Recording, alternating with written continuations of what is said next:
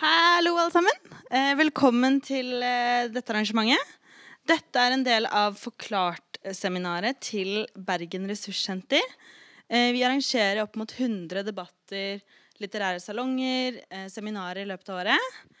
Eh, og Forklart-serien er da eh, en serie hvor vi ønsker å forklare kompliserte tema på en lett måte eh, og tilgjengelig måte.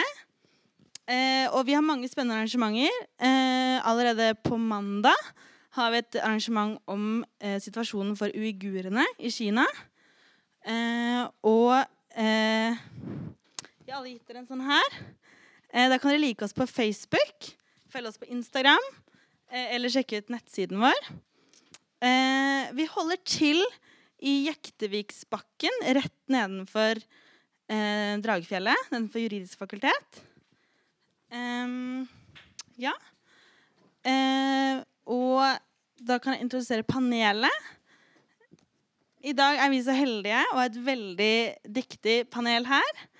Uh, vi har Knut Vikør, som da um, er professor ved Institutt for arkeologi, historie, kultur og religionsvitenskap. Han er historiker med kompetanse på islam. Så har vi Anne Bang, eh, som også er professor ved AHKR. Eh, og eh, Bang har spesialisert seg på islam, Midtøsten, Øst-Afrika og Det indiske hav. Eh, og til dette skal da Magnus Halsnes eh, moderere. Han er stipendiat eh, ved AHKR også, med kompetansefelt på Midtøsten, Jordan, Saudi-Arabia og Palestina.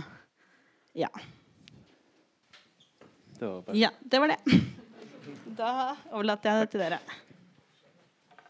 Ja, da kan jeg sikkert eh, bare sette i gang. Jeg heter, som dere sikkert fikk med dere, Magnus Halsnes. Um, og så tenkte vi i dag å gå nærmere inn på Saudi-Arabia.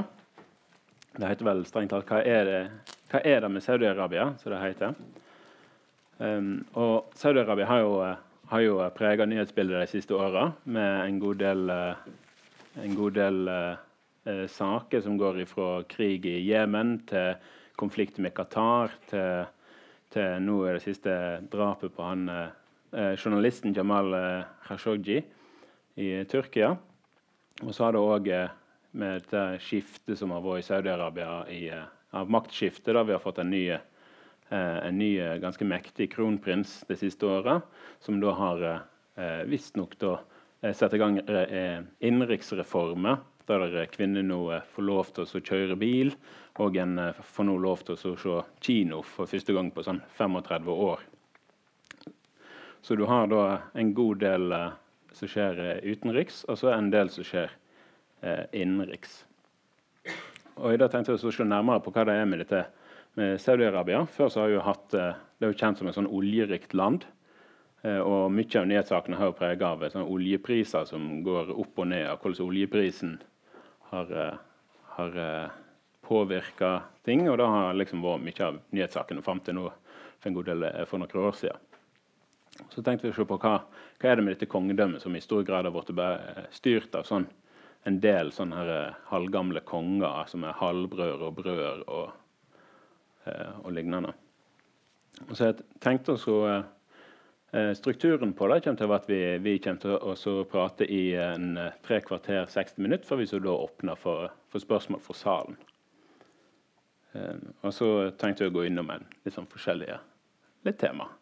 Så jeg tenkte så da bare begynne på at vi begynner på en sånn herre um, regional rolle til Saudi-Arabia. Og hopper rett ut i det som skjedde de siste, siste åra. Og da, Knut, så lurte jeg på spør jo, Hva er da Saudi- Saudi-Arabias sånn regionale rolle? Vel, som du sier, så er det altså eh, skjedd en del forandringer de siste par åra med den eh, politiske eh, ledelsen i landet, som er blitt endra. Eh, men det er også det som vi ser på dette eksternt, da, hvis vi starter der, så eh, har jo Saudi-Arabia alltid hatt mye penger. Eh, og derfor alltid ville hatt innflytelse i Midtøsten. Men eh, de har tidligere vært foretrukket å jobbe i kulissene. Altså å jobbe diplomatisk, eller altså bruke penger for å betale de riktige eh, personene og eh, osv. Heller enn å gå, gå, gå direkte fram. Men dette har vi altså sett en dramatisk forandring på de siste to åra. Men de går egentlig litt lenger tilbake. Altså det første du kan si, er for noen år tilbake, da USA begynte å interessere seg for borgerkrigen i Syria. Eh, da kom også eh, eh, Saudi-Arabia første gang sendte bombefly. De var ikke der så mange dagene. Jeg vet ikke hvor mange bombeangrep de egentlig slapp. Men de var iallfall med. De sendte egne militære ressurser ut. og Det var vel den første gangen omtrent på svært lenge i alle fall, at de hadde eh, intervenert så langt borte som i Syria. Men det som er nytt, og det er altså eh, Som Magnus eh, refererte, så var det det som utløste disse skiftene, var da at disse ikke bare halvgamle, men de er gamle. Alle kongene i Saudi-Arabia er gamle. Og vi er alle sammen da sønner etter uh, grunnleggeren av, Saudi-Arabia, som Magnus vet mye om, så det kan han snakke mer om seinere. Eh, men den eh, som heter Abdallah, døde altså eh, for et par år tilbake og ble erstatta av kong Salman, som nåværende kongen, som også er gammel. Men det som har vært typisk da, for det politiske systemet i Saudi-Arabia tenker på dette som et enevelde, og det er det i og for seg.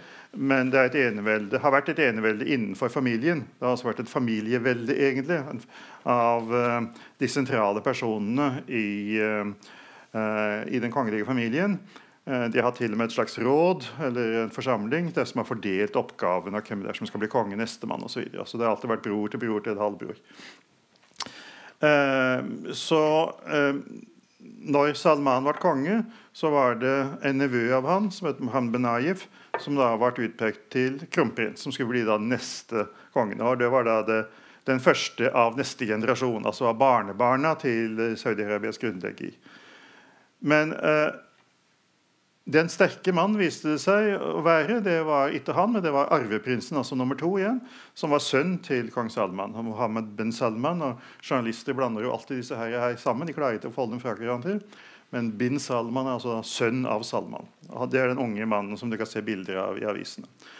Uh, og Han klarte da å kippe ut denne fetteren Benayef Benayev og ta over som kronprins. Og da starta uh, kjøret. Og det er det vi, skal, vi, snakker om i dag. da, alle disse tingene, eller del av det vi skal snakke om i dag, når det gjelder dagens situasjon, det er alle disse nye tingene, altså disse forandringene som er skjedd etter at uh, Ibn Salman, som vi regner som da den reelle makthaveren i, uh, i Saudi-Arabia, hvordan uh, de nye tingene han kjørte. Og når det gjelder regionale, så er det altså, som Magnus spurte om, så er det altså en delt nye initiativer der Saudi-Arabia har gått mye mer aktivt inn. Det første er jo da borgerkrigen i Jemen. Eh, altså Saudi-Arabia har jo vært i krig i Jemen tidligere, men det er over 50 år tilbake. Men eh, nå blander de seg inn eh, etter, i det som egentlig var en helt intern borgerkrig. En av uendelig antall konflikter, indre konflikter som de hadde i Jemen. Eh, men eh, det var ei gruppe der som eh, Saudi-Arabia trodde eller mente var støtta av, eller at det var agenter for, eller at det var en slags sånn femtekolonne for Iran. Og Iran var den store fienden for, for Saudi nå. Så Derfor så fant de ut at da denne da, bevegelsen, som på samme måten som Iran er en Shia-basert bevegelse, men en helt annen type sjiisme enn den du har i i Iran, men uh, never mind. Det, det, var en viss kontakt der mellom Iran. Iran ga noe støtte til denne Houthi-bevegelsen, som den heter. Så når den da eh, hadde store fremgang, så gikk da eh, Saudi-Arabia inn med støtte fra noen av sine nære venner i Gulfen, spesielt av De forente arabiske emiratene, og starta en bombekrig. Det har ikke blitt noen suksess. Det har, blitt et voldsomt, det har vært et voldsomt nederlag for Jemen, men uh, som da har, er uh, blitt totalt ødelagt uh, på alle mulige måter. Men det er også blitt et politisk nederlag for Saudi-Arabia. Det viste seg jo det at det vesle Eh, for det første klarte de å skyve tilbake disse houthiene. Poenget var jo å få de helt bort. Det klarte de ikke, men de klarte å skyve det ut av Sør-Jemen, der de egentlig ikke hadde noe basis og hadde noe å gjøre. Men de har ikke klart å komme seg inn i de nordlige delene av landet, som var si, det politiske sentrum i, i Jemen. Men det som er verre her, er jo at uh, Emiratene, denne miniputtstaten, den viste seg å være mye bedre militært enn Saudi-Arabia. Så, uh, og, det, De jo, var jo lillebror. Men i uh, Jemen så har de mer eller mindre tatt over som storebror. Det er de som egentlig får til noe. Og det har de oppdaga sjøl. Altså de er blitt uh, voldsomt mer sjølsikre. Som vi snakker nå om at i Sør-Jemen, som altså er det delen av landet der eh, denne koalisjonen har kontroll, så er det Emiratene som, som bestemmer. Uh, Saudierne driver og sender bombefly, men de bommer hele tida. De vet ikke helt hvor de skal treffe hen. De treffer en del skolebusser. Det kan hende at det er med hensikt, men mest sannsynligvis har de bare droppa bombene og reist hjem.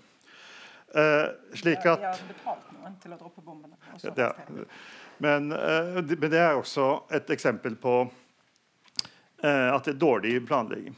Så er det, noe annet de har gjort, og dette er altså da igjen uh, forholdet til Iran.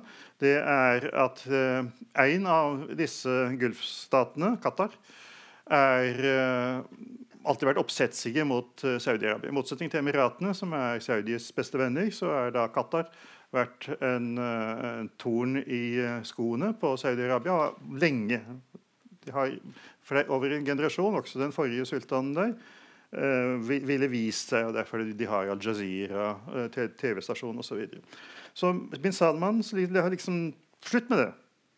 Han stilte krav om, som i praksis var Qatar må gjøre som vi sier. Qatar må følge vår utenrikspolitiske plan og uh, kaste ut den Jazeera-stasjonen og alt det andre. Og Det sa Qatar Nei, det vil vi ikke. Og der sto det. altså Saudi-Arabia starta en boikott av Qatar. og Det førte til noen små problemer. Fordi, blant annet fordi at Qatar eh, trenger, trengte eh, havner ved Saudi-Arabia som havner. Men de har klart fint å overleve, og de har ikke bøyd seg. De har ikke ville bøyd seg. Så det var et diplomatisk nederlag. Siste nå, Qatar er altså en halvøy som stikker opp Eh, fra, eh, fra, den, fra, den, arabiske halvøy. Så det siste nå er at bin Salman har funnet ut at han vil gjøre det til øy.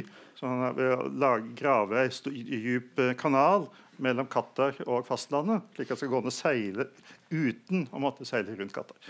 Så isolere Qatar på en, på en måte. Men altså, det var et nederlag. Så eh, gjorde han et eh, mer sånn, eh, forslag lenger borte. Eh, i Libanon, eh, som er et svært komplisert land med mange forskjellige eh, retninger i regjeringa. Og blant annet så er da de iransk-allierte Hizbollah enten med i regjeringa eller støtter regjeringa. Det er litt forskjellig Samtidig som statsministeren som Hariri, er en alliert og en venn med Saudi-Arabia. Han er også saudi-arabisk statsborger og har, har, et hus der. Så når han var på besøk i Saudi-Arabia, så ifølge de, slik det var presentert i pressa, så kom det da på besøk til han en tidlig en morgen eh, noen eh, fra regimet. Og eh, bare, fikk vel knapt nok ha på seg jakka.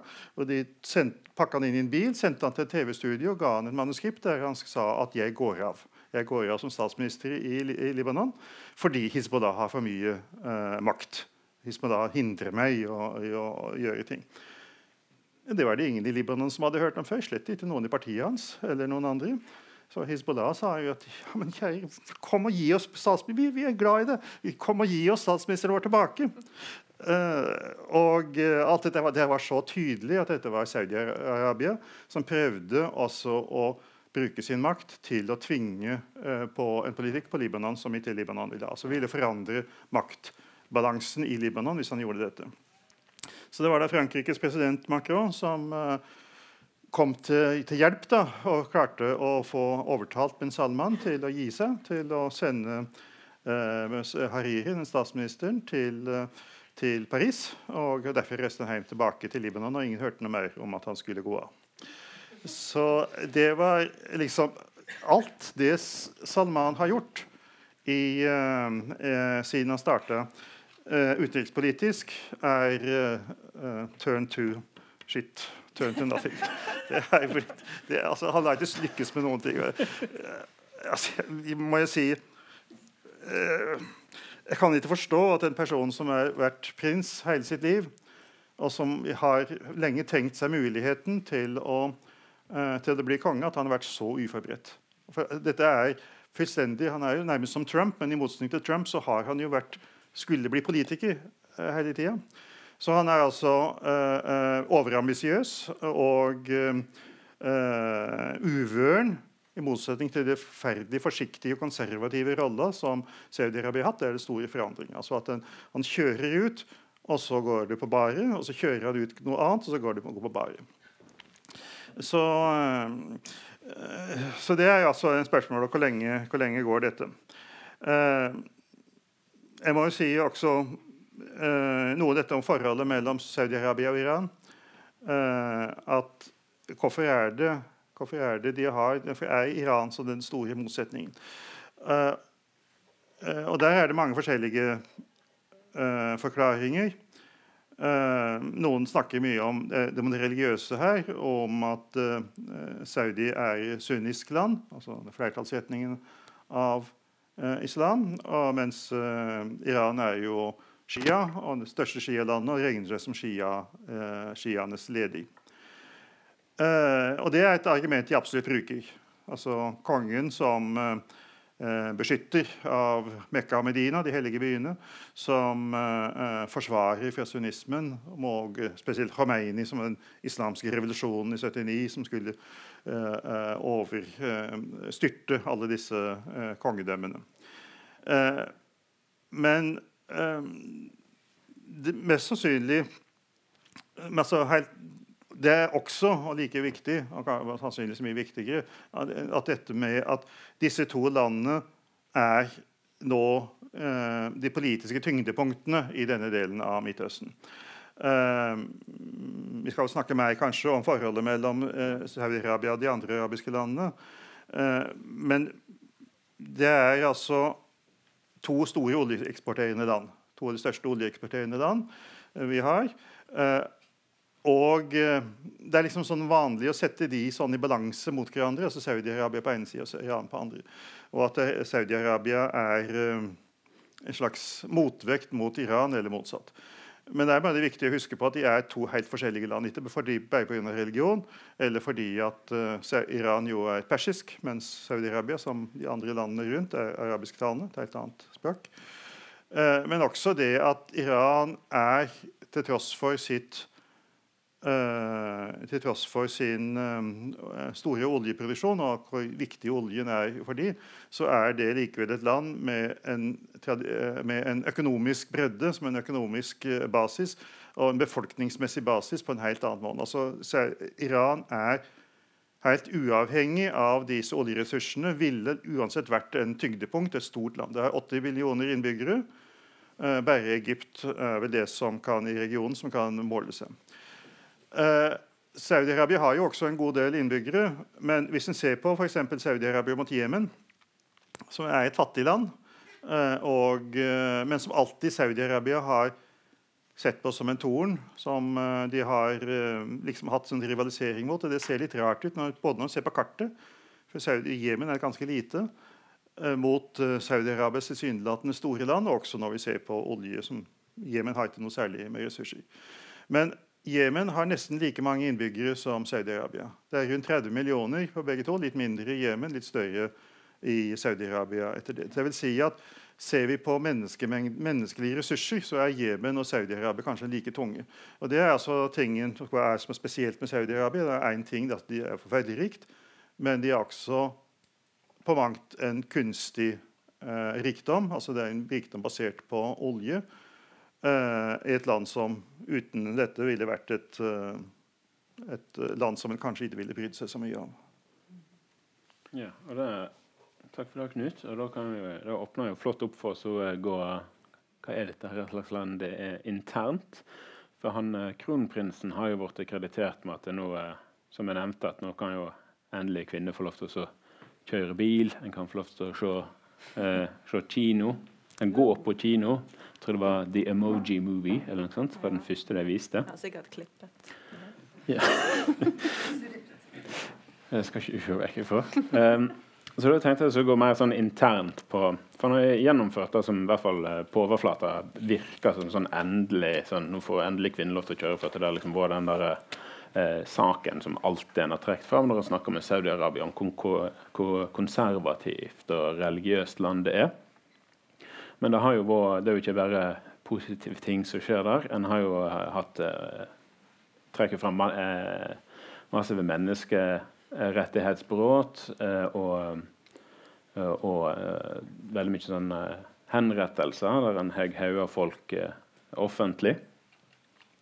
Så bare for å komme litt mer inn på det sånn interne og litt mer lokale, Anne, så jeg på om du kunne Når det gjelder disse reformene, mm. kvinner og kino og litt sånn opposisjoner og slikt, for så tar det veldig vidt. Ja, altså det er jo Lurte på om du kunne forklare litt? Eh. Jeg kan prøve. Det, det, blir jo litt sånn alt han gjør utenriks has uh, turned to shit. Så får vi Det er en litt annen analyse, tror jeg, når, det, når vi skal se på hvordan det ser ut innad i Saudi-Arabia. Uh, og jeg, jeg lurer på om jeg er bare nødt til å begynne litt på begynnelsen. Jeg skal ikke ha en lang historieforelesning. og jeg skal iallfall ikke gå inn på ditt uh, område. Men Saudi-Arabia som nasjon, sånn som vi kjenner det i dag, går tilbake til første verdenskrig. Sånn cirka. Iallfall sånn som det står. Og det ble den staten det er i dag, i 1932. Right? September. September, ja. Eh, fram til 1992 så har Saudi-Arabia ikke hatt noe lovgivning i det hele tatt, bortsett fra Koran og Sunna. Altså det som er Guds åpenbaring på jorden. Og dommerne har styrt etter dette. Kongene har til gjengjeld oppnevnt dommere. Så det har vært denne delingen mellom familien Saud og det religiøse etablissementet. Dette kan vi godt snakke om i lang tid, om wahhabisme. Og det er sikkert mange som er interessert i å om det. Men det viktige her er jo da at når bin Salman gjør de såkalte reformene sine, og åpner det opp for at f.eks. kvinner kan kjøre bil, eller at uh, kvinner kan eksempelvis oppsøke helsetjeneste osv. uten tillatelse fra sin mann, så er det som skjer der, det at han, han Det er ikke en lovendring han gjør. Det, det, er ingenting som endrer seg i lovverket i Saudi-Arabia. Det er eh, såkalte kongelige dekret som han bare gir til f.eks. Jeg vet ikke hva det skal være, hva som er motsvarende, men eh, trafikketaten i Saudi-Arabia det er de som nå har lov til å utstede da førerkort. Dette, dette, er ikke, dette er ikke lovfestet noe sted.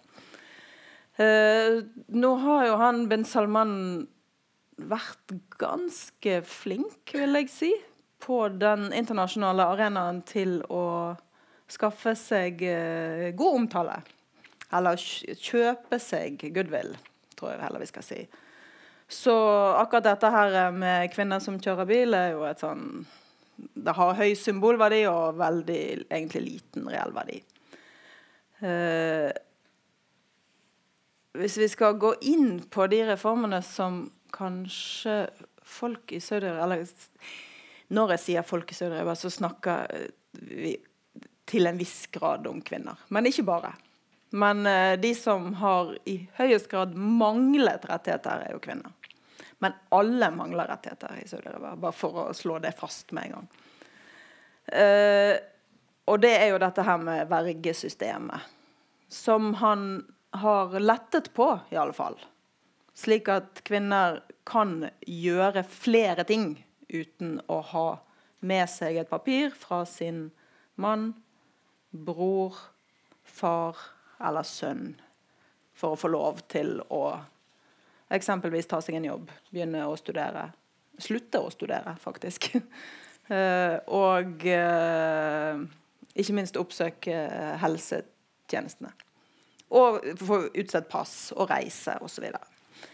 Eh, der har han lettet på det. Og det har da skjedd ved at det er gitt forordninger til de respektive etater.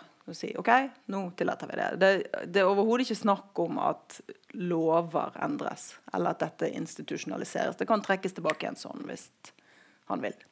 Eller hvis det endrer seg.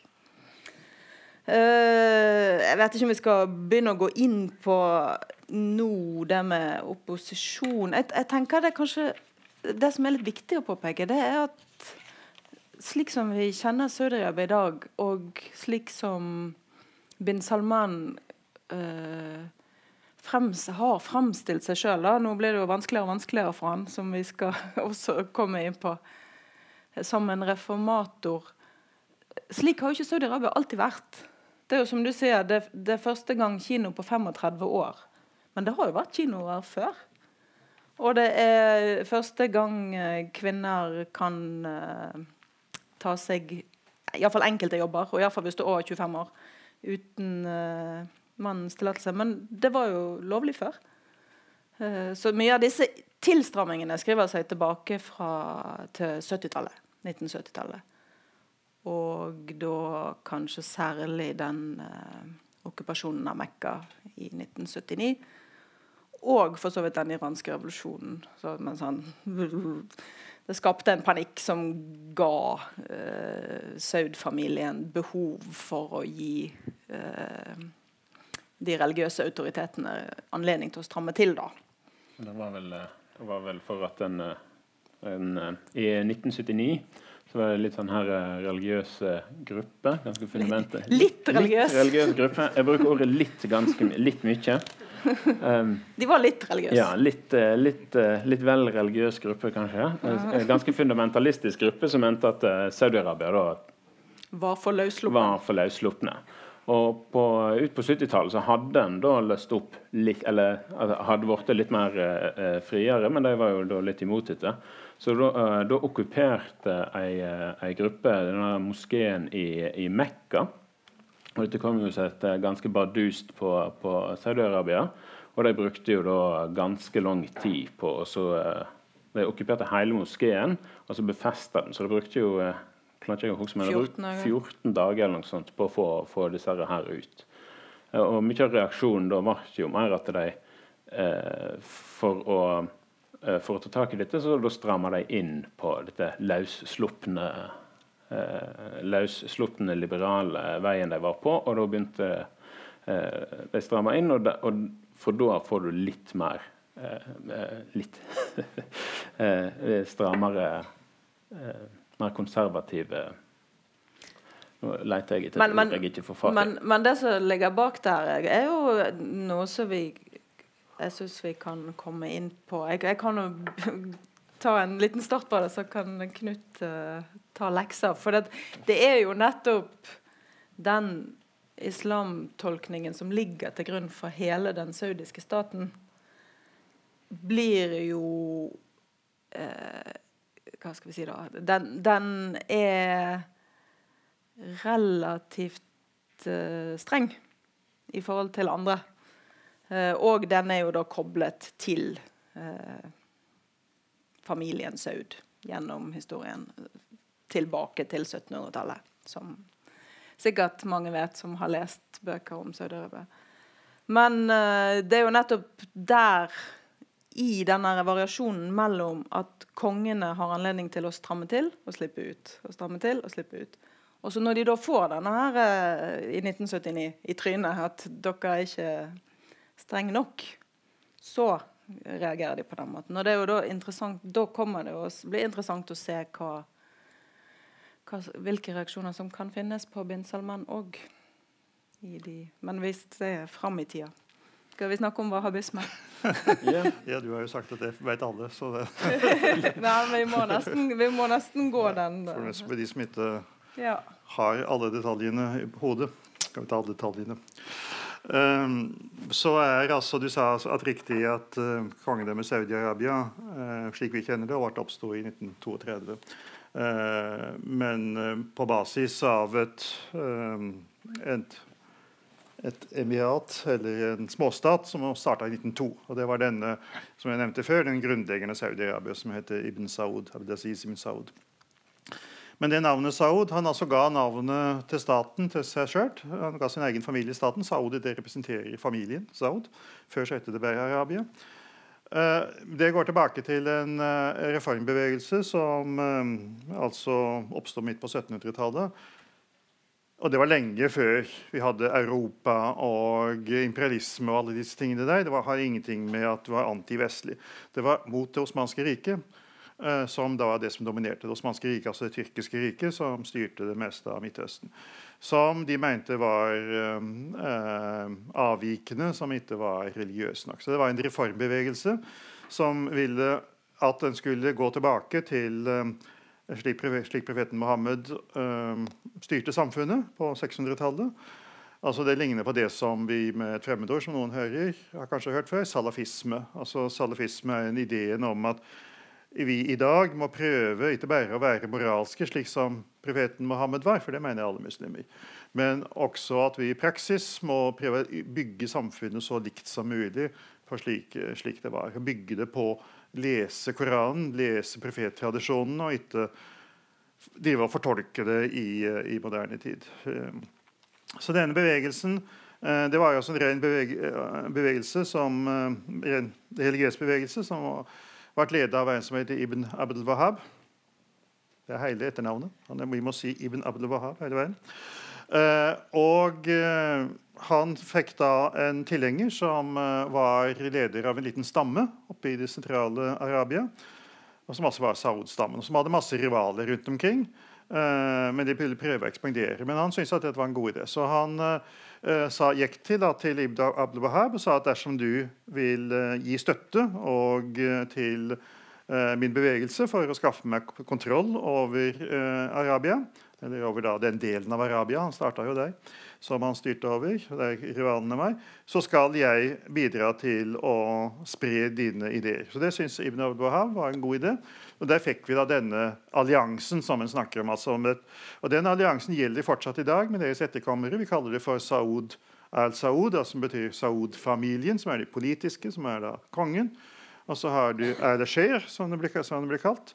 Uh, Sheiken, altså Ibn Wahabs etterkommere, som er det religiøse etablissementet. Så når vi snakker om Saudi-Arabia uh, som et uh, en, monarkistisk enevelde, som et kongedømme, så Eh, er det altså det litt feil som jeg sa til å begynne med, fordi at det ikke var et enevelde, eller var ikke et enevelde fram til Salman tok over.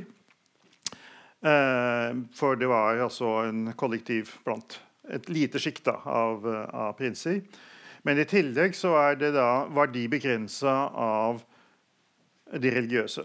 De religiøse var Etter at kongedømmet oppsto i 32, så forsto jo de religiøse at hvorfor en side av hadde nær sagt, at uh, oljen var på. uh, altså kåre, At de tjente på å gi sin støtte til, til kongefamilien. Men samtidig så forlangte de at de skulle ha sin ty, sine, sine ting i fred. Og kongedømmet skulle ikke blande seg inn i religion. Så kongen er altså, han er naturligvis en wahhabi, tilhenger av teologien. Men, men, han har ingen autoritet inn det. Det er det sjeikens familie uh, som har. Altså sjeikens etterkommere i de religiøse religiøse etablissementet. Så når Anne sa at de ikke har noe lovverk i Saudi-Arabia, uh, eller at de har det på en måte, men med sånne kongelige forordninger, så er det et resultat av denne todelinga. Det de kaller lov, det eneste de kaller lov, det er shariaen. Og det er skikkelig sharia. God sharia. Et gammeldags sharia, slik det var. The real one. The real sharia. Slik de mener at det var. Eh, så real faktisk at den shariaen som oppstår som de drev med på middelalderen, den er ikke god nok. Eh, for den var eh, basert i teologier eller i sånne juridiske debatter som skjedde mange hundre år etter profetens død. Nei, de skal tilbake til Koranen. De skal bare lese Koranen. Hver enkelte dommer i Saudi-Arabia har frihet, iallfall i teorien, har frihet til å gjøre sin egen fortolking av åpenbaringstekstene, uavhengig av hvor juridisk det er. Altså, det funker ikke sånn i praksis. I realiteten så følger de en, en såkalt lovskole, de også, som alle andre. Men det er iallfall ideen bak. og så oppsto det da når Saudi-Arabia ble en, eh, et uh, oljerikt land, og de skulle begynne å samarbeide med uh, oljeselskaper og verden i det hele tatt etter 1932, etter at det ble et kongedømme i, i denne verden, så måtte de ha, gjøre et eller annet med, med dette her, her, og arbeidere og økonomi og sånn. Så da begynte kongen å utstede forordringer eller Eh, og vi fikk også det vi reelt sett kaller for domstoler, som ikke var basert på sharia, men var basert på disse kongelige forordningene. Og det sa da uh, disse sjekkene. det sa de, uh, OK, do whatever you like. Gjør det som er nødvendig for å få den der økonomien til å rulle og gå. Det vil vi absolutt ha oljepenger, vi. Uh, men det er ikke lov. Altså, det er ikke det er lov med stor L. Dette, bare shariaen er lov. Det du gjør, det er forordninger, dekreter og sånt. Så dette, disse domstolene er ikke domstoler, men de er tribunaler. Slik at Du fikk altså en sånn skarp todeling av lovsystemet. Du har da det som går på shariaens område, som er da familie og arv og, og, og strafferett også. Uh, som er under det religiøse. Og så har du alt det som går på økonomi og den typen ting, og de internasjonale ting. At du lager avtaler med utlendinger det går på det kongelige. og Det er altså ikke shahia. Det sier ikke at det lukker vi øynene for. Det vil vi ikke ha noe med å gjøre. Så, uh, så det er uh, liksom det grunnleggende tingen. At Saudi-Arabia både har, har denne tosidigheten. Og når det gjelder Juhayman og hans proto-Qaida, får vi si. Da. Det var ikke Qaida, det var, dette var 20 år før Qaida, men det var ligner litt liksom, på går inn og skyter og Det er 1979-gjengen. Uh, ja. Uh, ja. Jayman og Taibi het han.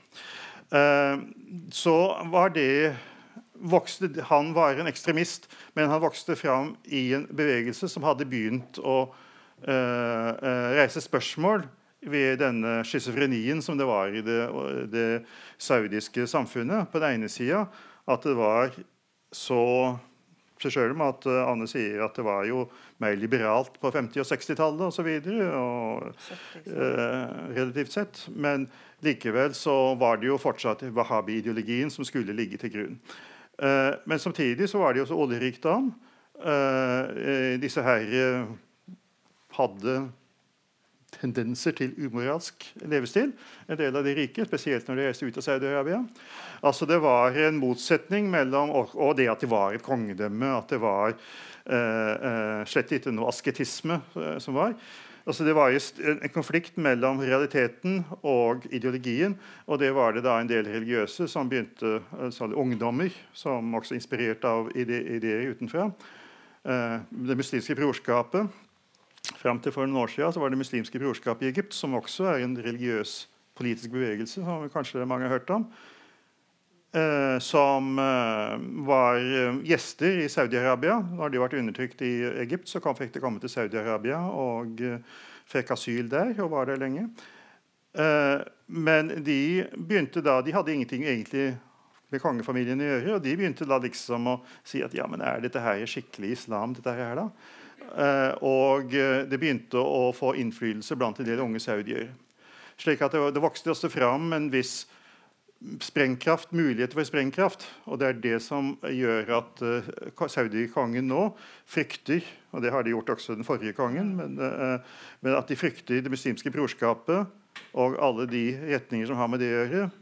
Den regimet som var i Egypt etter den arabiske våren etter Hamas i, eh, i uh, Palestina og, andre ting. De frykter dette fordi at det er en annen type islamisme, en annen type politisk islam enn det de har. Og de er redd for at det skal uh, vokse fram. For det var det som skjedde i 1979.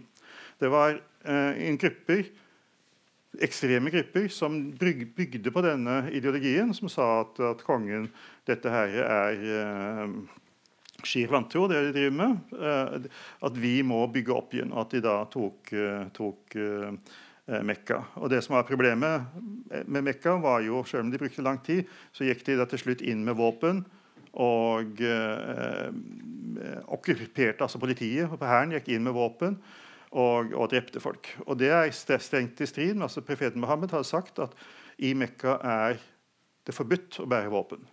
Ikke bare det, du skal ikke engang drepe dyr. Nei. Det er, skal Unntatt du har- eh, du har- under erter. Ja. Jeg tror du har et problem, et eller annet med at du ikke kan eh, kutte ned trær eller noe sånt. Du, skal og ikke tråkke ned eh, det som ikke Så, har vokst så disse terroristene de var jo terrorister, det er greit nok. De bryter med lova. Men at politiet gjorde det samme, det var et bevis på at de ikke fulgte profetens bud, men at de eh, altså, gjorde det som var enkelt og, og lettvint. Og Det var jo med å bygge opp under, under dette. Så, og det, og det noe, kan også være grunnen til at det skjedde en tilstramning etter den tid.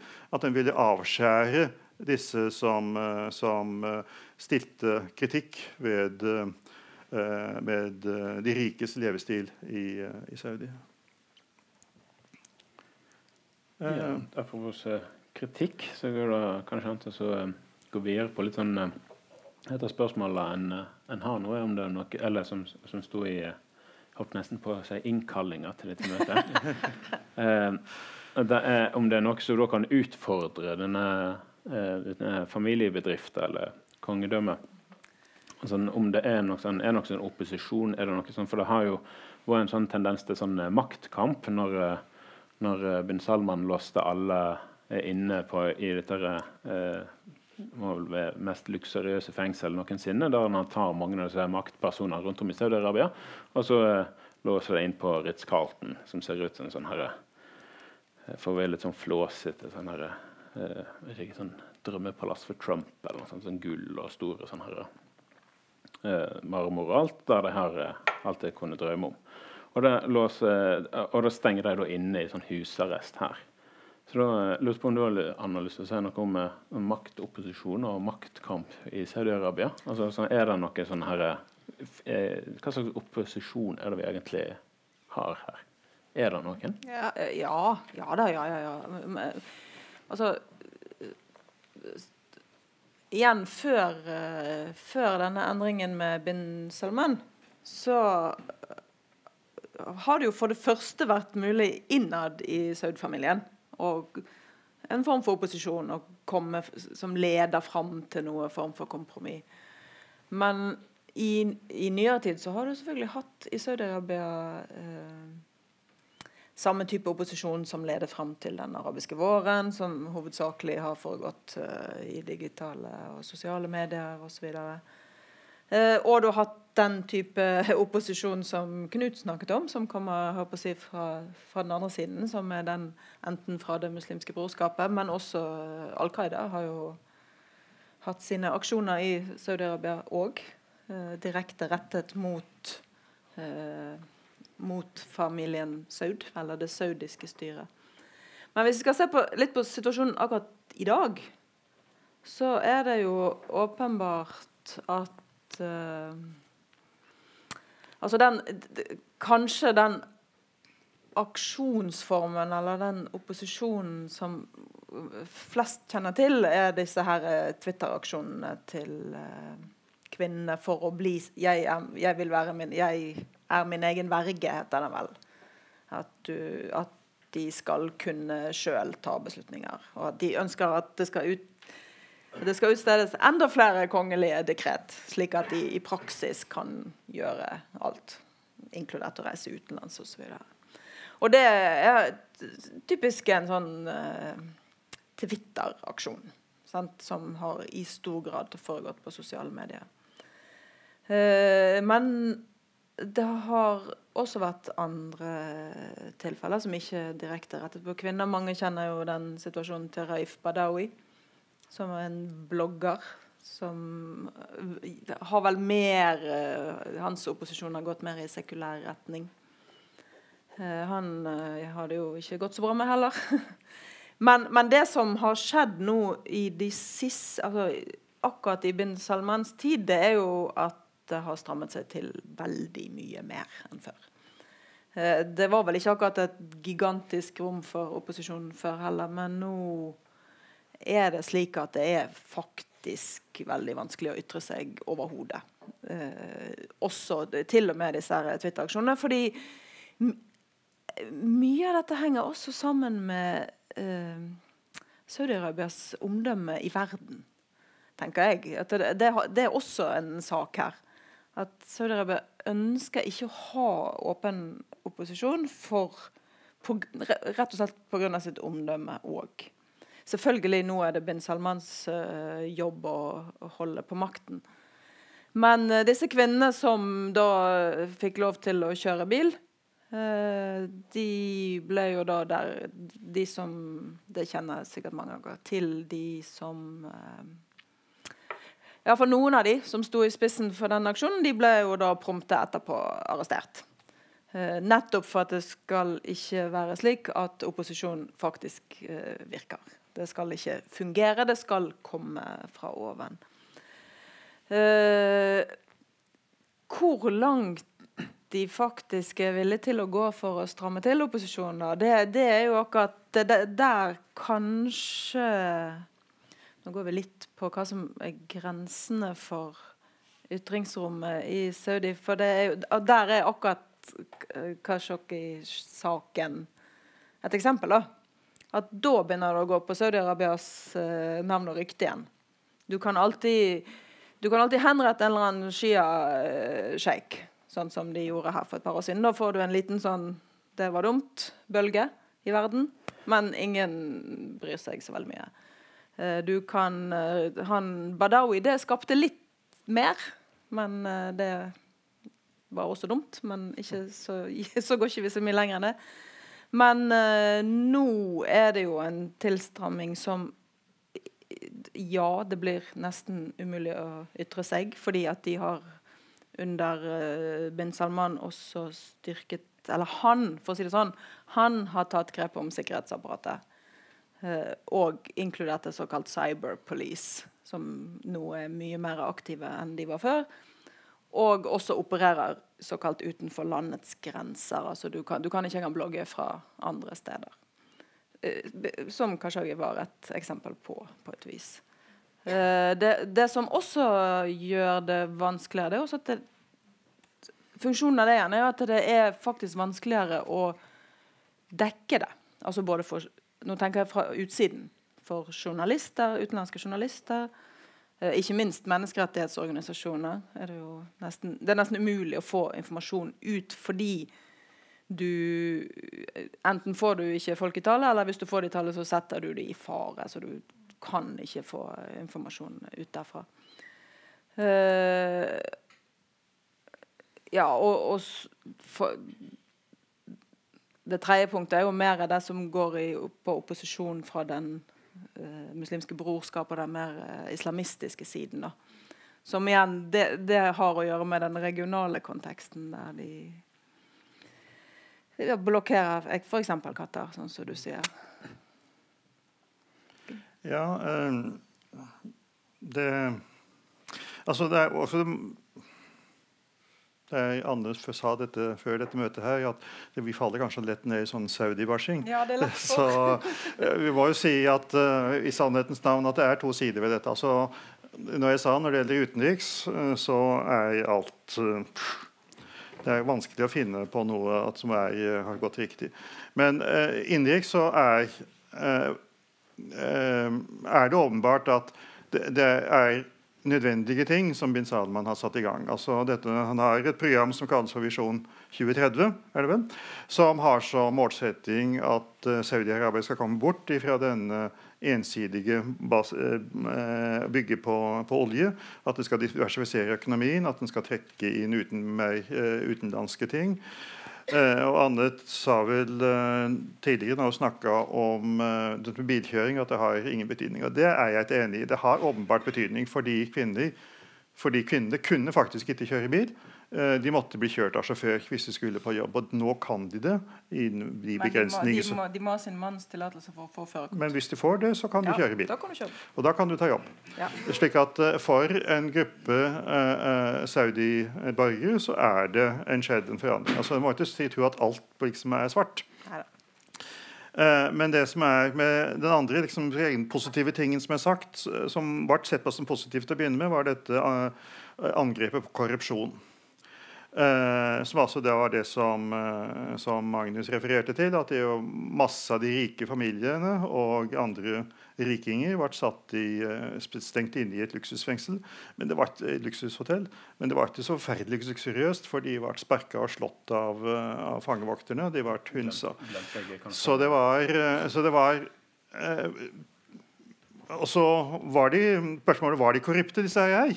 Uh, og det er litt sånn problematisk fordi at kongens økonomi og kongedømmets økonomi er i grunnen det samme.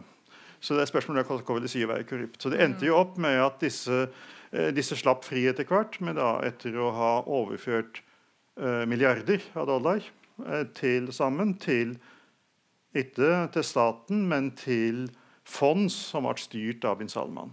Du kan si at De betalte til Ban Salman for å slippe seg ut. så som er korrupt og ikke korrupt. Men det som er sentrale, er altså dette hvem det var.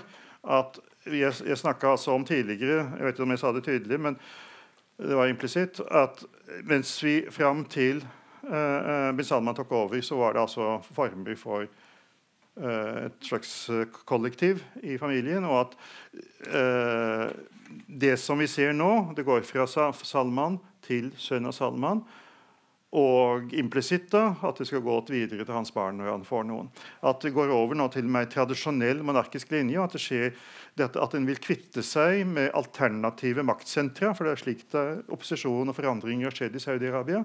At det har gått fra én grein av kongefamilien til en annen. og At den skal skille ut i de andre skal ikke ha noen muligheter til å, å, å opponere, slik at det blir mer eneveldig. Faktisk eneveldig, iallfall på den kongelige sida. Vi har ikke nevnt dette religiøse politiet ennå.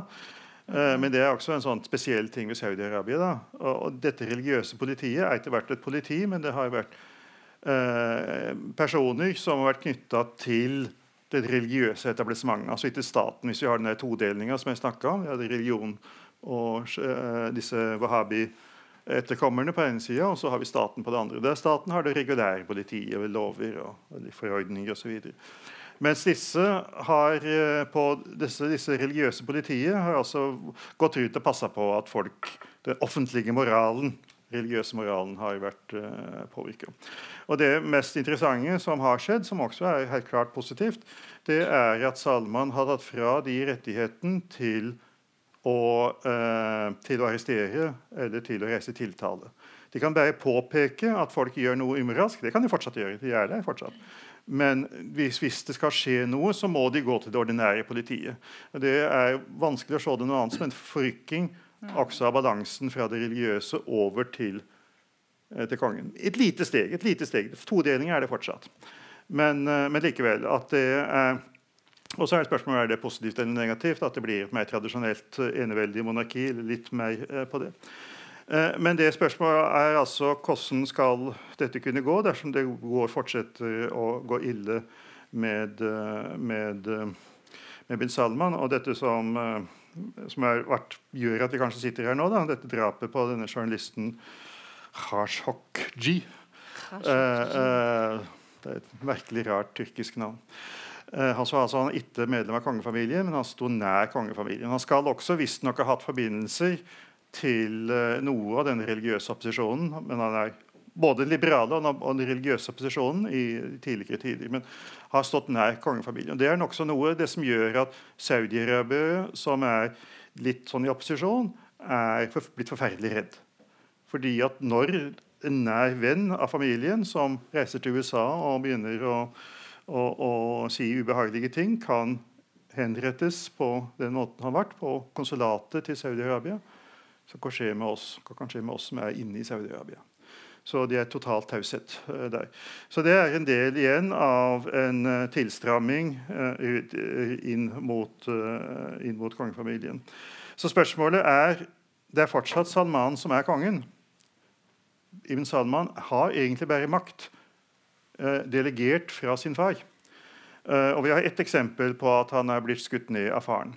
Og Det er da han begynte å eh, eh, antyde overfor PLO at eh, de burde vær så god ta imot denne fredsplanen som, eh, som Trump sier at han skal lage frem. Han har lagt den frem enda, men det er ganske åpenbart at det er en fredsplan uten PLO. At, de, at de, det blir rett og slett at de må akseptere Israels betingelser.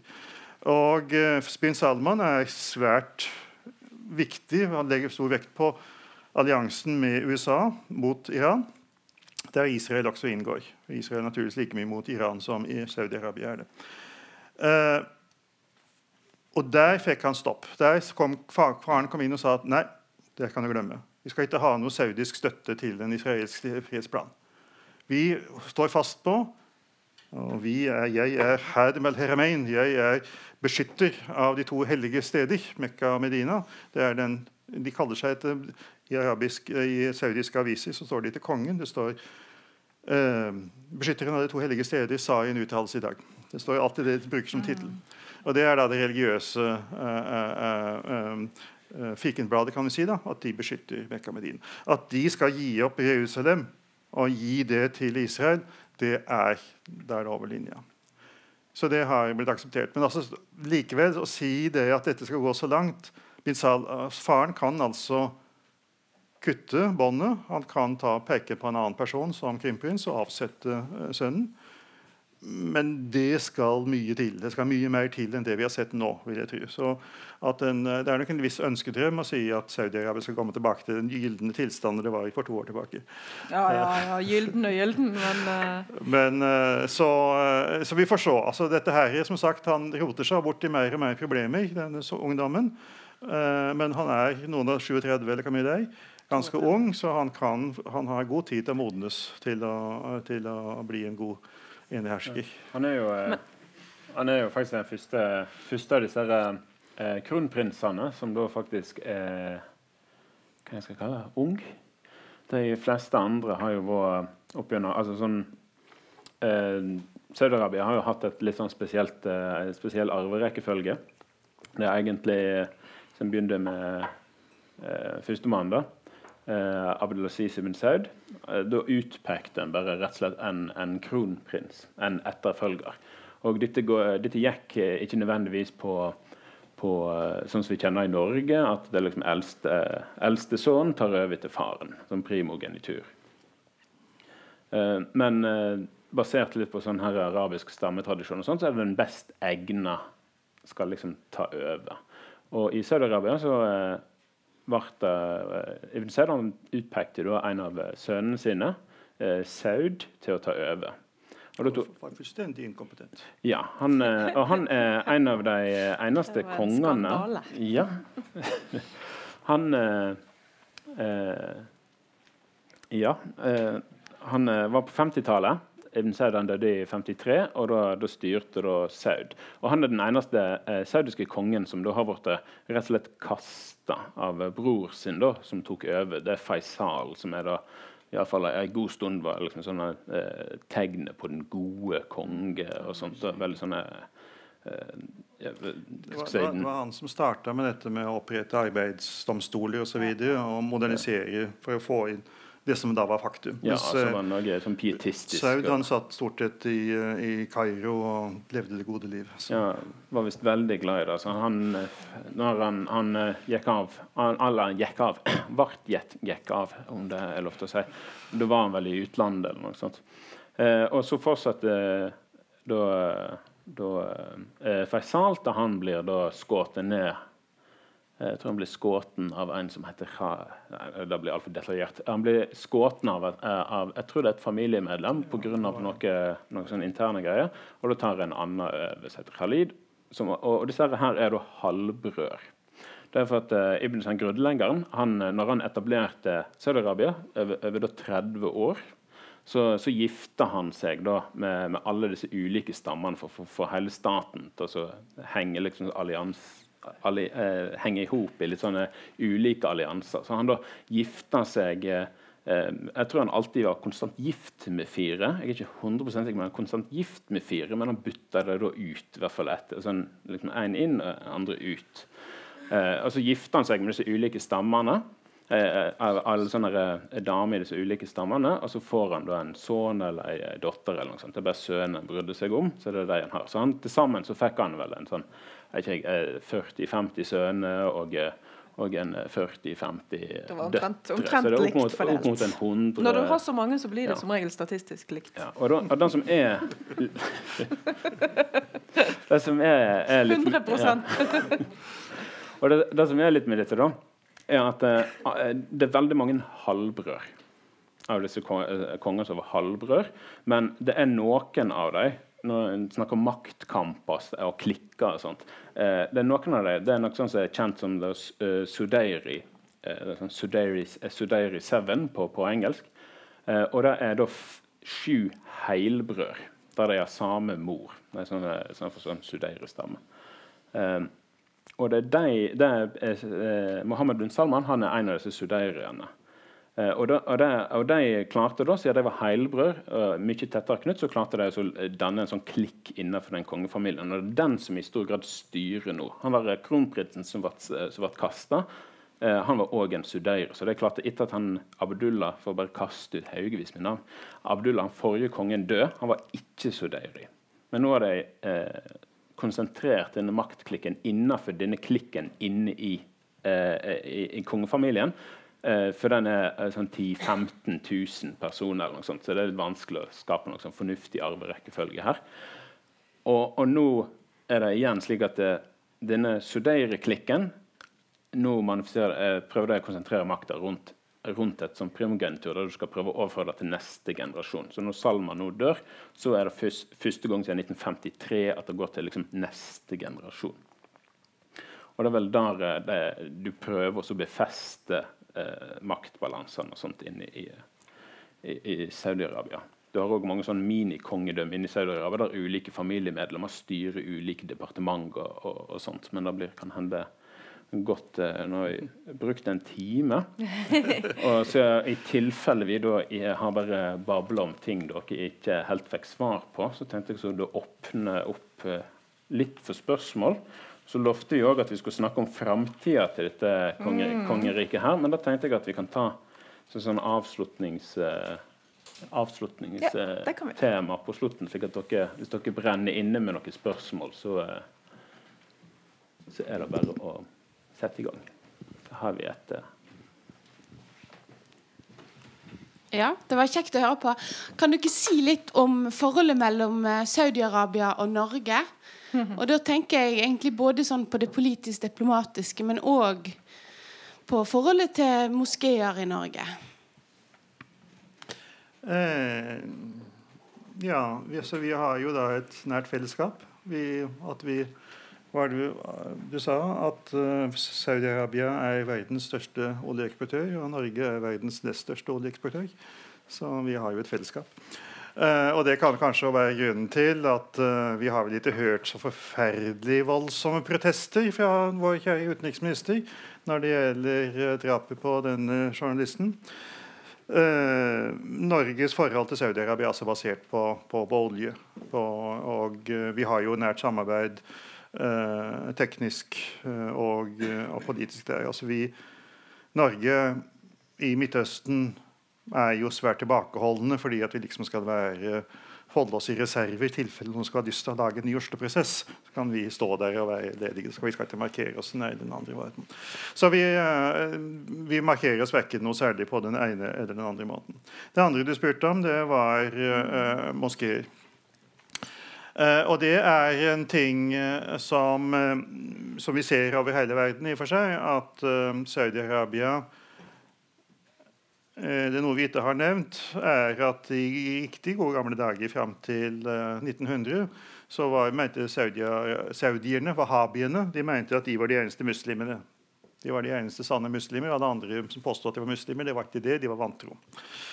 Eh, det vært litt vanskelig å opprettholde det når de skulle bli et land i verden, fra, fra, altså fra 1930. Så de snudde da om, og det i stedet for at de, alle andre ikke var muslimer, så skulle de da akseptere Eller de skulle bli venner. Og uh, Saudi-Arabia skulle bli uh, den ledende kraft som brukte sine penger på å bygge uh, islam i det hele tatt, men spesielt av den salafistiske formen for, for, islam. Og Det har de gitt sitt uttrykk i at de, de finansierer alt mulig rart. De finansierer med uhjelp, og de finansierer andre ting. Men det er også, de bygger moskeer rundt omkring overalt. De bygger skoler. Uh, og uh, um, andre ting der de sprer en form for wahhabisme. Ikke nødvendigvis. det er et interessant Jeg har ikke gjort dette systematisk, men det er iallfall noen eksempler der vi ser både Iran, som jo også er interessert i dette her, og Saudi-Arabia bygger skoler og, og moskeer litt rundt omkring, eller kultursentre. Der de har to helt forskjellige holdninger. Det er Iran, som jo er Shia, i motsetning til de fleste andre. Uh, de er sånn meget sånn forsiktige og sier at vi har ikke noe spesielt. altså Vi vil bare drive med vanlig islam, og alle kan komme og de kan gå på skolene våre. og Det er ikke noe spesielt ved det. Vi er gjerne, egentlig litt sånn som British Council. Vi, vi vil gjerne, for, vi vil gjerne liksom, få snakke ja. litt om iransk kultur. Da. Det er jo ja. for fint. Saudi-arabierne derimot, de stiller krav for å kunne gå i moskeen, for å kunne delta i det. Men de har masse flottere moskeer. Eh, eh, voldsomt fine eh, ting. Så, men da må du altså slutte deg til ideologien. Du må gå kledd på den måten, for det har en spesiell klesdrakt. som vi vet, disse salafiene. De går i kjortler og nikab osv. Så, uh, så det blir en, gjerne en øy i dette. Men jeg, jeg, så dette da jeg var i Sarajevo for en del år tilbake. Da var det én slik moské.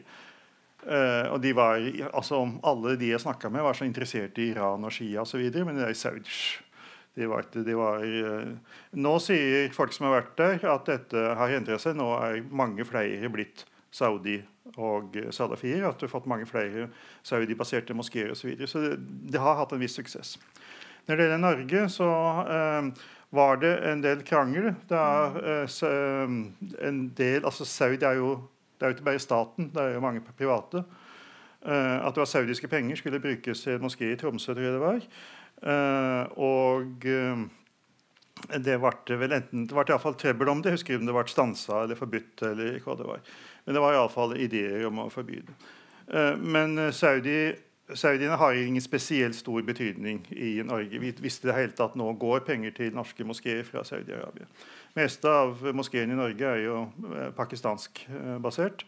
Eh, fordi de har mange pakistanere, eller tyrkisk. Tyrkia bruker jo mye mer midler. Tyrkia utnevner jo imamer som, som, er i Norge. Det er det jo ingen andre som gjør. Vi har, stat, vi har en slags statsislam i noen av de tyrkiske moskeene. Så det, Vi har ikke noe lignende i, i Saudi-Arabia. Men vi har Saudi-Arabia. Men vi har blant annet, En annen ting som Saudi-Arabia gjør, det er jo at de har skoler og universiteter i Medina og andre plasser der de henter folk fra Afrika, henter folk fra andre land der, som er i utkanten av islam, kan vi si, og som reiser dit. Og Det har også vært en del uh, nordmenn som har reist og studert i Saudi-Arabia på samme måte som de andre. Så det har jo også en viss innflytelse der. Bare et lite tillegg til det. for det, det, er interessant akkurat det med de finansieringsmodellene til Saudi-Arabia i, i, i, verden. Inkludert i Europa i høy grad. Men, men, i Norge er det vel bare det ene tilfellet. Men det, det er akkurat det at de, de, opererer selvfølgelig som stat. Men også med en hel, ganske stor herskare av forskjellige typer foundations. ikke sant? Og interessant nok så er veldig mange av de uh, har uh, kvinner. Altså det er donert i kvinners navn. Uh, hvorfor det er sånn, det, det vet jeg ikke. At, at, det skal, at, det skal, på en måte gjøre budskapet litt mer snilt. Eller om det helt reelt er. Det kan man også tenke seg at det er faktisk. Det, finnes, det er jo mange velstående saudiske kvinner òg som da bruker sin eh, rikdom til akkurat den type virksomheter. Som re reelt sett sprer det, det budskapet som wahhabismen står for. Det, det er bare en, et uh, merkelig fenomen, egentlig. Ja, er det da noen flere spørsmål?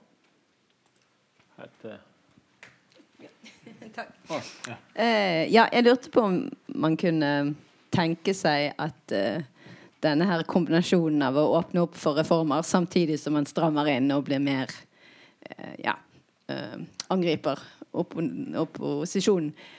Kan det være strategisk fra, fra, fra, kongen? Altså at det er sånn brød og sirkus for, for folket, og så i bakgrunnen så driver vi og halshugger? jeg bare tenkte at ja. kanskje han var sånn Ja, vi, vi, vi, vender oss mot Vesten, så ser det veldig bra ut. Spesielt dette med å la kvinner kjøre. Det, det i Europa og USA, så syns jo folk at Det er jo helt klart. Altså, altså Bin Salman var jo på en stor uh, rundreise i USA før dette her eh, siste. Vi Besøkte Apple og besøkte Google. Og, ja. og gikk naturligvis da tok av seg alt dette her paraphernalia som han hadde. og Gikk i dress og snakka engelsk og uh, i det hele tatt. Og skulle promotere Saudi-Arabia som det nye. Altså, vi, har, vi bruker våre penger Altså, de har jo, eier jo store deler av underholdningsindustri og andre ting i USA. Uh, men kom til også til oss. Og dette her med, som jeg sa, dette Visjon 2030 er jo også at de skal opprette økonomiske soner som utenlandinger skal komme og investere i. Slik at, uh, og del av det der imaget, dette med det der med altså Bilkjøring var jo noe tøv. Det er helt åpenbart. Det er jo ingen andre av de mest reaksjonære regimene i islam som har kommet på den tanken om at ikke kvinner skal kjøre bil.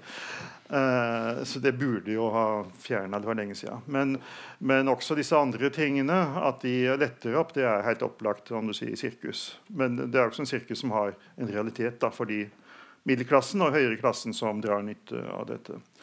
Uh, men det er også kobla til, som du sier, til at uh, prisen for det er at det er jeg som bestemmer, ingen andre. Det, handler, det har jeg tenker også det, at det, det handler om å konsolidere makt innad i Saudi-Arabia.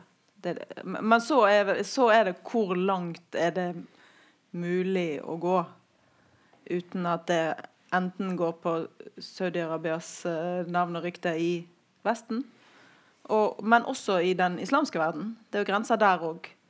Eksempelvis når du foreslår en fredsavtale med Israel. Eh, og også innad i Saudi-Arabia. Og det, der eh, Ja. En eller annen form for brød og sirkus er det, men det er vel eh, Det er vel mindre brød og sirkus enn det er den andre veien, for å si det sånn. For, fordi at denne makt kampen pågår jo. Den er jo der. Den er, den er reell, og den er ikke avklart per i dag. Men noen får det bedre. Åpenbart, ja. Men veldig mange får det mye verre. Det var et spørsmål her borte først. Jeg vet ikke om det var uh, hei. Uh, yes, igjen, uh, takk for et flott eh, foredrag. Eh, jeg lurte på, Saudi har jo i de siste årene eh, fått noen posisjoner i FNs menneskerettighetsråd som man kan stille et spørsmål med. selvfølgelig så kan jo olje og OPEC være en del av forklaringene, men tenker dere at det finnes andre faktorer som har gjort det mulig for Saudi-Arabia å oppnå disse posisjonene? Vi en, hadde en masteroppgave. ja, akkurat. jeg vil si at dette har å gjøre med FNs diplomatiske basis. Dette her om at alle land er like. Vi skal ikke legge oss opp i noe. Så dette skal man gå på omgang, og det, nå er det vår tur. Og, så og så er det slik at disse forskjellige eh, Jeg vet ikke om det gjelder akkurat der du husker etter, men iallfall så er det i FN slik at du har sånne kontinentale grupper som bestemmer seg imellom så disse forskjellige, eh, både til Sikkerhetsrådet og til andre tingene. Og at eh, Saudi-Arabia er vel del av en arabisk eller en Midtøsten-gruppe som det går litt på omgang. Og innenfor det området der så har naturligvis For det første så har jo ingen av de spesielt god, godt renommé når det gjelder menneskerettigheter. Og for det andre så har det, det altså Saudi-Arabia litt penger å, å, gi til dem. Så jeg tror det er det, altså. Men det, det denne studenten vi hadde, sa, demonstrerte det at det var faktisk en dialog på gang. altså at dette, disse Menneskerettighetsrådet de kom med, protest, kom med kritikk av Saudi-Arabia som de prøvde å svare på. Og så videre. så var, men, eh, men, akkurat grunnen til at de sitter der, er altså rett og slett fordi at det er en stat i verden. Og det, det, det som jeg husker fra den uh, masteroppgaven, det var jo også det akkurat som Knut sier, det, det fins jo ingen vetofunksjon. på en måte. Det, det, er ikke mulig å blokkere det hvis prosessen går sånn, så er, så er det ingen det, det, er ikke sånn som Sikkerhetsrådet eller noe, at du kan si nei og absolutt nei. Så det, Et kjapt eh, oppfølgingsspørsmål eh, på det. Eh, det kom en rapport for ikke så altfor lenge siden. Jeg tror det er hvert femte år at man tar en sånn intern rapport i FN om de forskjellige mm. landene. Der mottok jo da Saudi-Arabia sin rapport for litt siden, og flere land ble invitert til å kommentere, deriblant Sverige. Hvor alle altså, ikke kommenterte det. Det var ingen som sto opp eller sa noe. Og Saudi-Arabia fikk fem stjerner, og alt var bra. Tenker, Hva er grunnen til det? For det kan vel ikke gå på omgang på en måte at alle high fiver Saudi-Arabia på en sånn rapport. Sa du inkludert Sverige?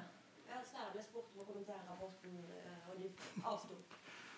De hadde jo Det var kanskje et, etter, etter denne store krangelen med Margot Wallström, den svenske utenriksministeren som Det var akkurat det, for de hadde jo en Ja, Ja, men det var kanskje tidligere, så nå måtte de Nei, nå må vi sitte stille i båten. ja da må det være grunnen, for ellers eh, har jo Sverige faktisk utmerket seg ved å være akkurat en av landene som har ytret seg relativt Sverige og Canada, det er vel de to som faktisk har tørt å si noe som helst. Eh, og også da fått eh, ganske sterke reaksjoner fra Saudi-Arabia. Så det, jeg kjenner ikke til det, men det var overraskende når du sier at Sverige avstår. At, de an, at andre gjør det, er ikke overraskende. For det, sånn har det jo vært i disse femårlige rapportene, stort sett. Diplomati er ikke noen god måte å fremme menneskerettigheter på, stort sett. Nei, men man burde kanskje forventet at Sverige i alle fall kom med en kommentar. Men muligens ikke. Det, det, må, det må være ligge til grunn akkurat det. Jeg tror det var et spørsmål her borte.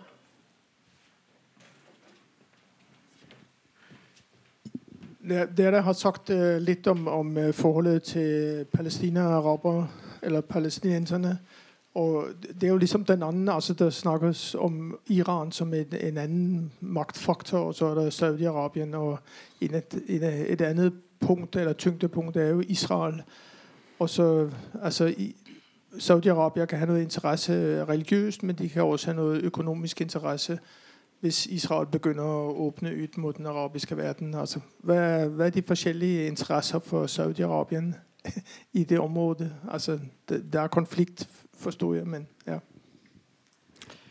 Nei, altså Det har vel Når det begynner å bli økonomi, så begynner jeg å bli litt sånn vag, flakkende i blikket. Ja, Men, Vi sitter det tre flakkene her oppe. Men det har vel vært noe snakk om at eh, Israel kunne tenke seg å investere noe i Saudi-Arabia, men at det er blitt skutt ned igjen. At dette, dette er for problematisk. Dette, uh, de, eh, men det er altså Trump er viktig her, og det er også noe som eh, jeg synes kanskje viser hans umodenhet, men jeg kan jo eh, Kronprinsens, det er at han stoler på Trump. Han tror at Trump gjør det Trump sier. Det er jo, vet vi jo at det er jo ikke nødvendigvis slik. Slik at når han satsa f.eks. med denne Trump-fredsplanen osv., så, videre, så var det for, for han regna med at Trump og USA da ville komme og bygge en allianse med Iran og Israel som uh, kunne uh, blokkere for Iran. Og Trump kom jo da med naturligvis og trakk avtalen, atomavtalen, som vi vet, så han gjorde jo noe. Men uh, andre ting så har da han tatt for god fisk ting som Trump har sagt, men som da Trump egentlig ikke har hatt noen mulighet til å gjennomføre. Uh, så det er noe som spiller inn der. Uh, US Saudi-Arabia tross alt kan ikke ha en leder, og som Anne sa, kan ikke ha en ledende rolle i den arabiske verden, muslimske verden, utover det, hvis de aksepterer det Israel sier. Men samtidig så har de en sånn idé om at nå er det USA som styrer og bestemmer. og um, slikker vi de litt nærmere, Går vi litt nærmere de, så kanskje vi får gjennomført ting. Så, så det skjer altså en kanskje fare for tilnærming, men det er altså ganske klare grenser i hvor langt de kan gå. Altså, og det går jo i retning altså på motsatt side når det gjelder palestinerne. Palestinerne har jo da som gjør store problemer internt. Eh, og eh, Saudi-Arabia kan ikke tåle til Hamas, som jeg sa, fordi at Hamas er del av knytta til det muslimske brorskapet, deres store fiender. Eh, så de har tradisjonelt da støtta PLO og, og Fatah. Men der også begynner de da å se liksom at dette, de fungerer heller ikke. Slik at eh, de begynner å trekkes tilbake støtten til palestinerne i det store og hele, fordi at de finner ingen som de egentlig kan, eh, kan støtte opp under. Men, men ideologien i at Saudi-Arabia som en leder for den arabiske verden står fylt opp resten med den palestinske sak osv., det kan de ikke komme bort ifra. Jeg lurer på om jeg skal ta begynne å, nærme seg tida, så vi kan sikkert ta ett spørsmål til. Jeg ser, ja. Jeg lurer på om jeg bare kan ta et oppfølgingsspørsmål for det. eh, på det. Eh, skal vi se. Ja. Eh, det siste så bare så vidt på nyhetene i dag at eh, det var noen rapporter om eh, at Saudi-Arabia nå har stengt grensene for israelske muslimer for å reise til hajj, på hajj. Eller rettere sagt, de hadde lukket et loophole som slapp jordanske Eller slapp dem inn gjennom Jordan. Jordanske pass, hvis jeg skjønte det riktig. Så jeg lurte på om dere hadde, hadde fått fått med dere det? Eller om det, hvordan det, om det kunne spille inn i eh, den nye politikken? Ja, vi er jo hard-spesialisten her, da. Men, men hun, hun underviser i det akkurat nå. Men, ja, I så fall så vil det jo ikke gjelde før til neste år. Før neste hajj. Eh, men ja. Nei, altså, så, så vidt, altså, Som sagt, ingen av oss har vært på hajj, da, av ulike årsaker. Uh, men så vidt vi forstår, så, uh, så er det Altså, jeg og du kan ikke reise til Mekka Medina. Eh, vi må ha et eller annet dokument. Og det vi tenker oss sånn litt logisk, det er at hvis du kommer fra Pakistan, så har du et pakistansk pass. Det kan kanskje klare seg. Kommer du fra Norge eller et annet ikke-muslimsk land, så må du ha en eh, et erklæring fra en imam eller et eller annet autoritet som blir anerkjent. Men at Saudi-Arabia stenger ikke grensene sine. Altså, så lenge du har et slikt dokument fra en anerkjent autoritet, så kan vi ikke kunne reise på hajj. For Vi hadde jo en konflikt mellom Iran og Saudi-Arabia under Khomeini, uh, under Khomeini styre. Og da var det jo Khomeini som nekta iranerne å reise på hajj fordi av konflikten. Det var ikke Saudi-Arabia som gjorde det. Uh, så dette er litt gjetning. Vi vet ikke at det er slik. Men det vil si at uh, hvis at Saudi-Arabia nekter israelske muslimer, som jo finnes ganske mange av, til å reise på hajj, eh, ville være rart. Men det kan altså være noe med at de eh, det, overrabbin- oversjefsmuftien i, i Jerusalem eller noe sånt nå. Altså, de har flere konkurrerende sjefsmuftier i Jerusalem f.eks. At Saudi-Arabia har ikke lenger anerkjenner noen som de tidligere anerkjente. eller noe sånt. Men dette, er- altså, jeg har jo ikke hørt den, så jeg vet ikke. Det er ikke noe sånn at eh, altså For det, det er jo sånn at hvert land har en kvote. En viss andel. Så det, det er ikke noe sånn at de mener at israelske palestinere skal gå på en palestinsk kvote eller noe sånt. Det, det, ville, det, det er faktisk rett og slett imot igjen den rollen de har som beskytter av de to hellige steder, å stenge noen ute fra hajj. Det, òg tar seg absolutt ikke godt ut. For, for når det har vært sånne spenninger, så har det faktisk motsatt vei det har vært. Altså at folk har blitt ifra- hindret fra å reise til hajj. Ut fra det jeg sa nettopp, så vil det være kanskje mer forståelig hvis det er de palestinske Ja. muslimene som eh, ikke blir godtatt fordi at de nekter å godta PA eller PLO som, eh, som utstedende faktor, heller enn at de israelske eh, skulle bli det. Men, eh, men altså Israel altså, I Saudi-Arabia anerkjenner naturligvis ikke Israel. Så når det gjelder de religiøse eh, muslimenes religiøse autoritet i Israel, er det Jordan som står det, bak det. Eh, så det er jo også noe at de kanskje ikke lenger anerkjenner de som Selv om de har israelsk pass, så er det kanskje i Amman at dette papiret skal undertegnes. og at de det er noe Eller, at, eller at kvoten Ja, gjøres vi gjetter her, noe i altså. den du- Vi, vi bare Ja. Nei, jeg, dette er veldig over, basert på veldig overfladisk lesning av eh, dagens nyheter. nyheter så jeg er ikke, ja, journalister er jo ikke alltid de mest presise når det kommer til eh, mekanismene, de konkrete mekanismene for disse tingene. Så. Uansett så er ikke neste hajj før i august neste år. Så det, ting kan jo forandre seg før den tid. Ja, kort, eh, kort nevne at når eh, Knut nevner at, eh, at eh, Saudi-Arabia måtte åpne seg opp for verden, så var det da i stor grad for når de, eh, de erobra jo Hijaz, der Mekka og Medina ligger, i, i 25. Og da måtte de arrangere altså saudiske myndigheter arrangerer hajj. Og da må, var de mer tvungne til å få inn eh, sånn som uh, vestsida av, uh, av uh, arabisk halvøy. Den var mye mer internasjonal nettopp pga. Av, eh, av, eh, av Hajj og Mekka og Medina enn da liksom sånn, Saudi-Arabia kommer fra en liksom sånn bortgjemt, eh, bortgjemt liten eh, sånn ørkenflekk midt inni Saudi-Arabia. Ja, i, i, faktisk i Gok, eh, nærmest. Eller det er vel strengt tatt i år, men det blir noe så. Det er ganske, det er ganske lite tilgjengelig, geografisk lite tilgjengelig region. Så når de kom bort til vest, så var de tvunget til å, å ta, mø, eh, komme i møte med alle disse ulike, ulike typene muslimer sånn som kommer og har, har rett til å eh, dra på hajj. Og fra da tenkte jeg å hoppe, siden nå eh, begynner jo dette å bli ganske kort tid før, eh, før en eh, skal være ferdige. Så jeg tenkte at vi da skulle ta noe så enkelt som framtida for, for, for Saudi-Arabia. Framtidsspådom er jo alle historikers store drøm. Um, og da tenkte jeg å kort bare nevne noe om han her Mohammed bin Salman, han kronprinsen. Uh, i 30-åra. Uh, slik at hvis han da blir konge nå, Det er alltid det er spekulasjoner. Sånn Framtidsspådom er litt sånn herre ja, ja. Uh, hvis han nå blir konge, så, bli, så, kan han bli sittende ganske lenge. Alle de, de fleste andre har sittet i sånn 10-15 år, og noen en satt i 20, i 20 men eh, da var det kronprinsen som i, i, stor grad styrte de siste ti. Og alle har vært godt over 50 år når de har tatt over, og nå har de blitt eldre, eldre, eldre. Men hvis han nå blir konge, eh, så kan han styre ganske lenge hvis han blir sittende. Så vi kan eh, oss til han ganske lenge. Det er sånn så, eh, Da blir jo faktisk bare bestefaren hans Ibn Saud som etablerte dette. Han òg var ganske ung. og han satt jo, Britene trodde jo han skulle knekke sammen. og bryte sammen ganske fort, men han bare levde og levde og levde. og levde.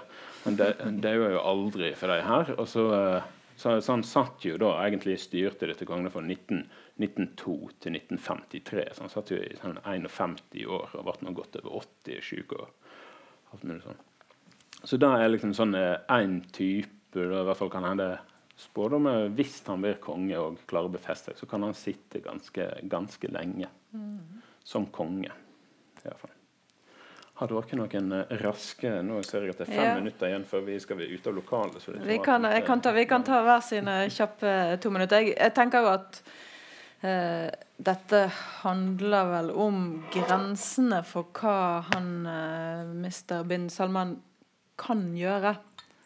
Hva han kan gjøre innad i landet, altså i forhold til familien Saud.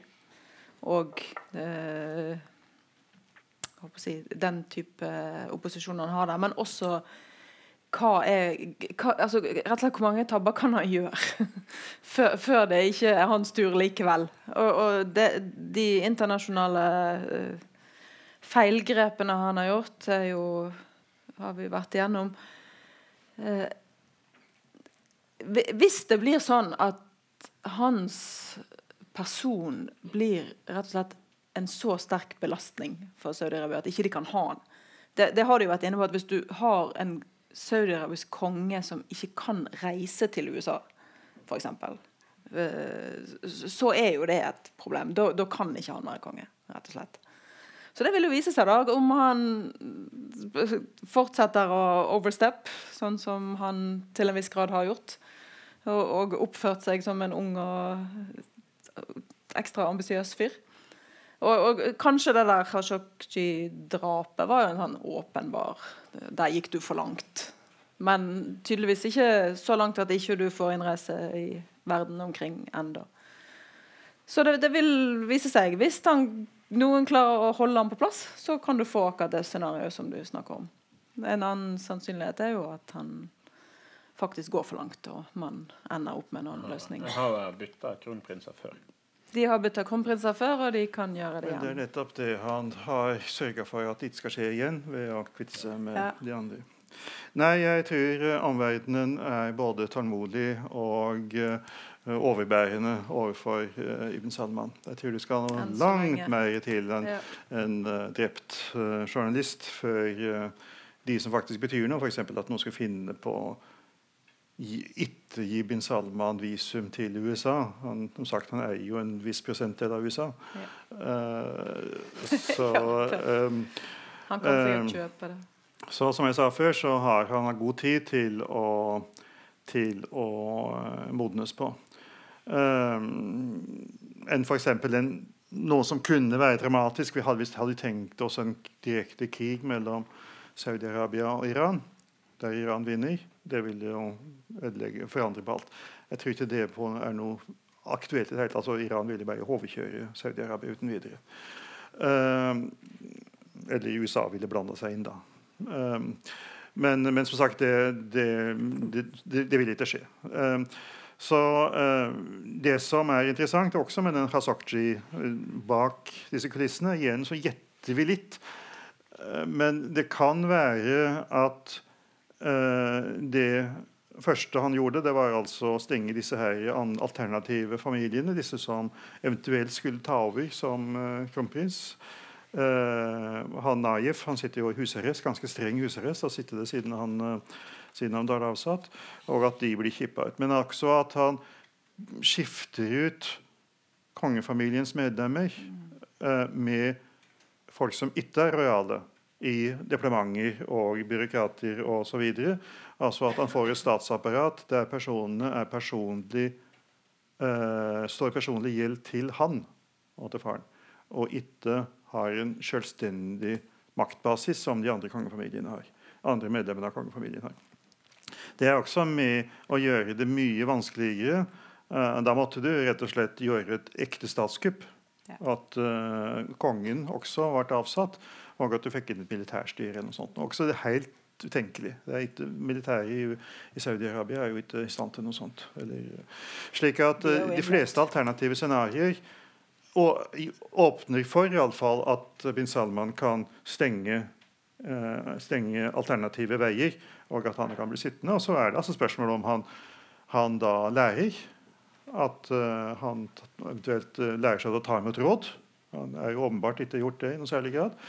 Og at han skikker seg. Altså som sagt at han ikke driver og At han demper seg ned litt. Det Han har gjort jo forandring, som jeg sa. En politisk, i Tidligere så var muslimske brorskapet var den store skurken og fienden. Men det fant de altså ut etter hvert, at når Morsi, presidenten i Egypt, ble fjerna, så var ikke det muslimske brorskapet lenger så forferdelig farlig. Så Vi kan tenke oss at vi også de demper den anti-iranske retorikken. Ikke fullstendig, naturligvis, det er jo alltid fienden, men at ikke det blir Eh, så mye en, eh, altså sånn eventyrpolitikk eh, basert på det.